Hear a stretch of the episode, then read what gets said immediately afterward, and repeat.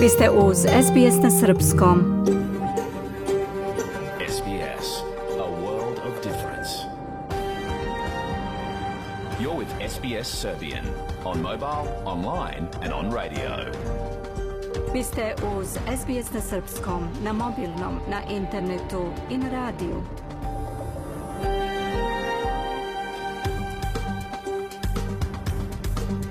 SBS odaje priznanje tradicionalnim vlasnicima zemlje sa koje danas emitujemo program na srpskom jeziku.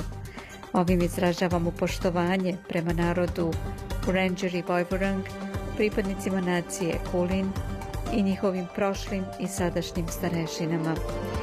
Također odajemo priznanje tradicionalnim vlasnicima zemlje iz svih aboriđinskih naroda i naroda sa ostrva iz Torisovog Moreuza, sa čije zemlje slušate naš program. Dobar dan, danas je subota 25. jun 2022. Ja sam Biljana Ristić. U današnjem programu, posle pregleda vesti, opširni sportski izveštaj. Zatim ćemo reći više o pozivima kineskog ambasadora na obnavljanje diplomatskih odnosa između Kine i Australije, kao i osnivanju Međunarodnog fonda za odgovor na pandemije u budućnosti. U današnjem vodiču za doseljenike reći ćemo više o tome kakve su procedure u Australiji da se organizuje sahrana. Međunarodna konferencija Beogradski kontrapunkt održana je 21. juna u Jugoslovenskoj kinoteci u Beogradu. Ovog puta bila je posvećena Nikoli Tesli. Više i o tome. Ostanite sa nama do 16 časova. Sledi pregled vesti.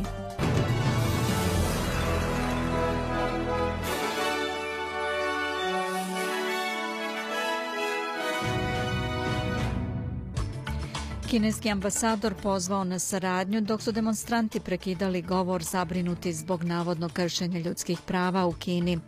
Podrška džamiji u Melbourneu nakon upada vandala u molitvene prostorije. Ukrajina i Moldavija dobile status kandidata za pristupanje Evropskoj uniji. Bosna i Hercegovina ostala uskraćena za datum.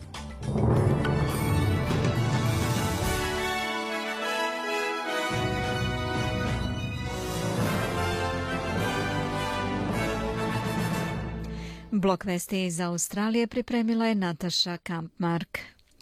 Kineski ambasador u Australiji u svom prvom govoru od dolaska laburista na vlast pozvao je na obnavljanje odnosa i veću saradnju između Kine i Australije. Događaj su u nekoliko navrata prekidali okupljeni demonstranti zabrinuti zbog navodnog kršenja prava u Kini. Demonstranti su jedan po jedan ustajali i izražavali zabrinutost zbog Tibeta, Sinđanga i Hong Konga, dok je ambasador Xiao Qian u Sidneju držao govor i odgovarao na pitanja. Iako priznaje da su odnosi između Australije i Kine narušeni, on kaže da politika Pekinga o prijateljskoj saradnji sa Australijom ostaje nepromenjena. The recent years Poslednjih nekoliko godina bile su nesporno teške u našem odnosu. Kineski razvoj treba videti kao priliku, a ne kao takozvanu pretnju Australiji. Kina i Australija imaju svoje sve razloge da budu prijatelji i partneri, a ne protivnici ili čak takozvani neprijatelji. Gospodin Sjao je okrivio Australiju za prekidanje veza sa Kinom i pozvao novu Albanizijevu vladu da preduzme konkretne korake ka poboljšanju odnosa. Premijer Anthony Albanizi je izazvao ljutnju kod nezavisnih poslanika i poslanika manjinskih partija jer je smanjio broj njihovog osoblja na po samo jednog savjetnika i četvoro pomoćnika – Premijer je pismenim putem obavestio poslanike o promeni, rekavši da će vlada na ime podrške poslanicima uložiti više sredstava u parlamentarnu biblioteku. Za vreme prethodne vlade poslanici su imali po dva glavna i dva pomoćna savjetnika. Članovi parlamenta su dali izjave u kojima osuđuju ovaj potez. Nezavisna poslanica iz Kujonga, Monik Rajan, kaže da je ova mera napad na nezavisne i manjinske poslanike, odnosno crossbenchere, i njihovu sposobnost da efikasno pozivaju vladu na odgovornost. Političari, lokalni i verski lideri posetili su džamiju na istoku Melburna kako bi pokazali svoju podršku nakon što su njene molitvene prostorije vandalizovane prošlog vikenda – Protiv osmorice osumnjičenih podignute su optužnice zbog uništavanja imovine. Džamija Beit ul Salam vandalizovana je već devet puta, a njen imam Vadud Džanud kaže da ovi napadi imaju štetne posljedice po lokalnu zajednicu. The physical damage it will take a few days to repair, but the psychological Fizička šteta će se otkloniti za nekoliko dana, ali za psihološke posljedice i šok bit će potrebno više vremena. Na mržnju, bes i neznanje odgovorit ćemo lekcijom o ljubavi i podizanju svesti. Za ovaj napad optužena su osmorica muškaraca starosti između 18 i 62 godine koji se terete za provalu i neovlašćen ulazak u prostorije. Pušteni su uz kauciju, a na sud će izaći u oktobru. Hvala Nataša. Nastavljamo vestima iz sveta i regiona Balkana. Američki vrhovni sud poništio je presudu Roe protiv Vajda iz 1973. koja je ženama omogućavala ustavno pravo na abortus, čime je preke trudnoće bio legalizovan na čitavom području Sjedinjenih država. Sud je odlukom za koju je glasalo šestoro sudija, dok ih je protiv bilo troje, podržao zakon američke države Mississippi koja zabranjuje abortus nakon 15 nedelja trudnoće. Također, sudije su smatrale da je presuda u slučaju Roe protiv Vejda kojom su abortusi bili dozvoljeni u periodu između 24 i 28 nedelja trudnoće pogrešna jer se u američkom ustavu ne pominje pravo na pobačaj. Tužan dan za sud i zemlju prva je reakcija američkog predsjednika Josefa Bidena na odluku Vrhovnog suda. It's a sad day for the court and for the country. Now with Roe gone, Odlukom Vrhovnog suda američkom narodu je oduzeto ustavno pravo, rizikuju se zdravlje i životi žena. Verujem da je presuda u slučaju Roe protiv Vejda bila ustavna i da je odluka Vrhovnog suda tragična greška, rekao je predsjednik Biden tokom obraćanja u Beloj kući. Predstavnički dom Američkog kongresa usvojio je predlog zakona o strožijoj kontroli oružja koji je poslat predsjedniku Bajdenu nakon čijeg potpisivanja će podstati i zakon. Predlog zakona podržalo su 234 člana predstavničkog doma, dok ih je 193 glasalo protiv. Među njima nije bio ni jedan demokrata, dok je 14 republikanaca podržalo predlog zakona. Ukrajina je saopštila u petak da se njene snage povlače iz grada Severodonjecka, koji je u proteklom periodu bio poprište velikih borbi. Mnogi ovaj potez vide kao korak unazad u borbi protiv ruskih snaga koje žele da preuzmu grad. Sažaljenju da Guverner provincije Serhi Gajdaj kazao je da je vojska primila naredbu da pređe na drugu poziciju, ali nije rekao gde.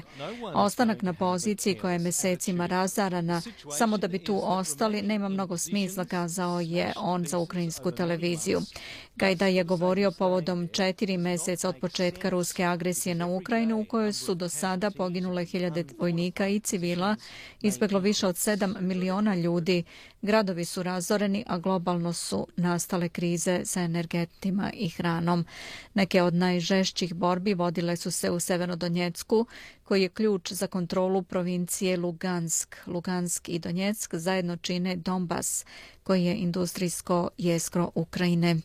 Pad Severnodonjecka bi ostavio jedino Lisičansk grad sa druge strane reke pod kontrolom Ukrajine. Lideri Evropske unije odobrili su davanje statusa kandidata za članstvo Ukrajine i Moldavije i izrazili spremnost da isto učine za Gruziju kada ispuni prioritete i smišljanje Evropske komisije uz ocene da je takva odluka istorijski trenutak. Do punog članstva Ukrajine, Moldavije i Gruzije u Evropsku uniju moglo bi da prođu i godine, ali ova odluka simboličan korak koji pokazuje nameru Unije da pošalje politički signal problematičnom regionu, piše euroactiv.com. Predsjednik Srbije Aleksandar Vučić ističe da u Briselu nije bilo konkretnih rezultata za Zapadni Balkan, ali da nikad ne bi pocenio dobru diskusiju. Severna Makedonija i Albanija nisu dobile datume, Priština nije dobila viznu liberalizaciju, a Bosna i Hercegovina nije dobila status kandidata, rekao je Vučić posle sastanka u Briselu u četvrtak, prenosi glas Amerike. I believe that Ja verujem da su Severna Makedonija i Albanija zaslužile da se otvore pregovori i nadam se da će se to desiti što je pre moguće. I to nije samo apel, već i potreba, jer su dve zemlje ispunile sve zahteve i zaslužile su to. Moram da potvrdim naš evropski put. Ako uradite analizu naše saradnje sa Evropskom unijom, vidjet ćete da je u četiri meseca Srbija povećala trgovinsku razmenu sa EU skoro 20 procenata. Ja sam manje frustriran zbog naše situacije, nadam se da ćemo uraditi mnogo više do decembra. Obećao sam kolegama iz Evropske unije da ćemo raditi na vladavini prava, slobodi medija, demokratizaciji. Premijer Makedonije Dimitar Kovačevski izrazio je nezadovoljstvo posle sastanka u Briselu zbog toga što Makedonija nije dobila datum. Severna Makedonija je zemlja kandidat blizu... Mi smo kandidat već 17 godina, danas smo ovde i pregovori nisu počeli. Ono što se desilo danas je problem za kredibilitet EU. Gubimo dragoceno vreme. Danas sam poručio da Severna Makedonija i Albanija, kao i region, ne mogu biti u ovoj situaciji jer jedna zemlja blokira put. Kako prenosi glas Amerike, albanski premijer kazao je da je to bio istorijski dan, ali u negativnom smislu. Ironično je konstatovao da će Albanija ući u Evropsku uniju u narednom veku, ali kaže da nije problem samo Bugarska koja blokira odluku, već sistem proširenja ne funkcioniše. Umeđu vremenu, Bugarski parlament je izglasao ukidanje veta kojim je bio blokiran početak pregovora o Severne Makedonije i Albanije o članstvu u Evropskoj uniji. Potez bugarskih parlamentaraca pobudio je nadu da bi Unija mogla nastaviti sa planovima širenja na Zapadni Balkan u okolnostima ruske invazije u Ukrajini, izvestio je radio Slobodna Evropa.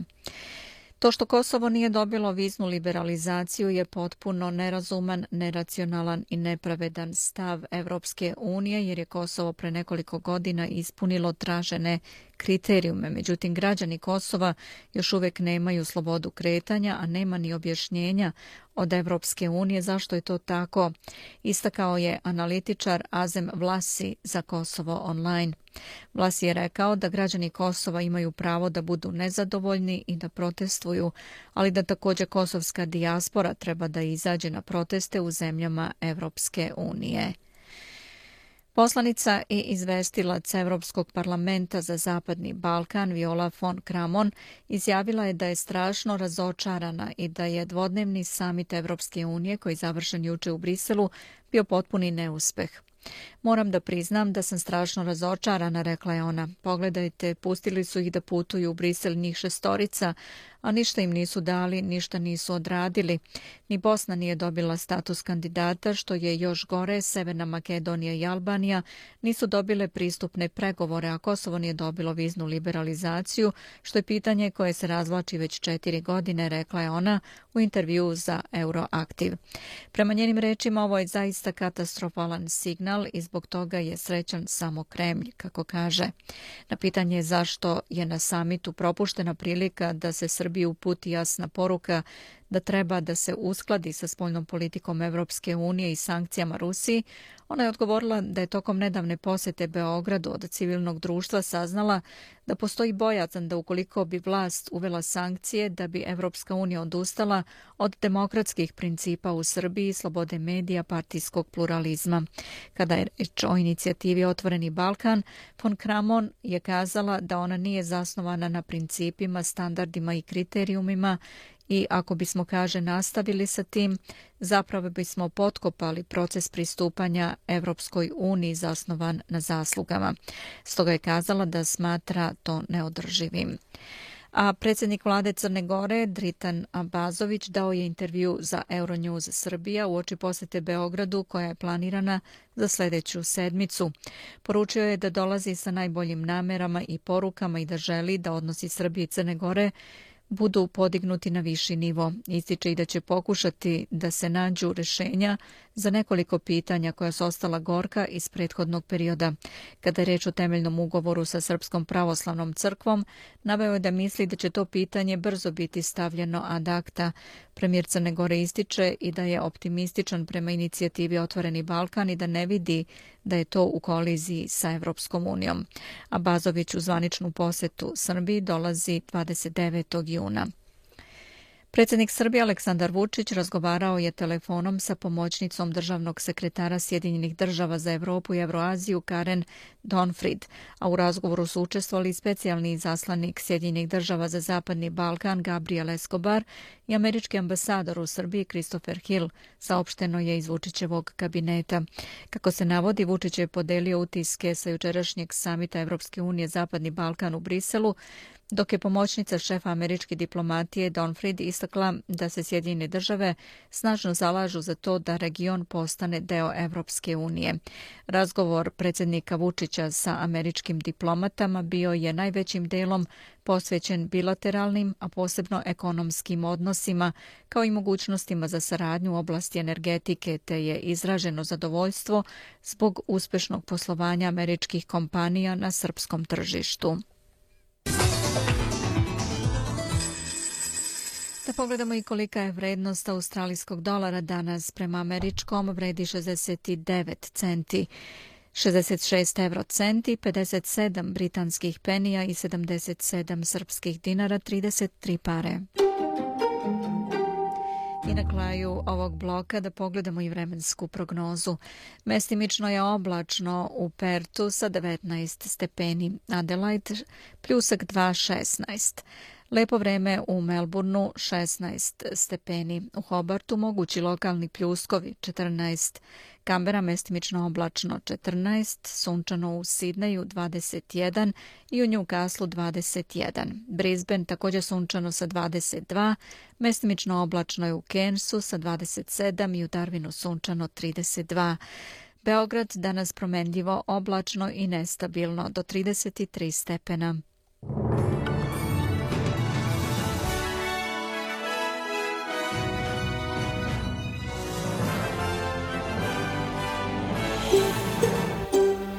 Želite da čujete još priča poput ove?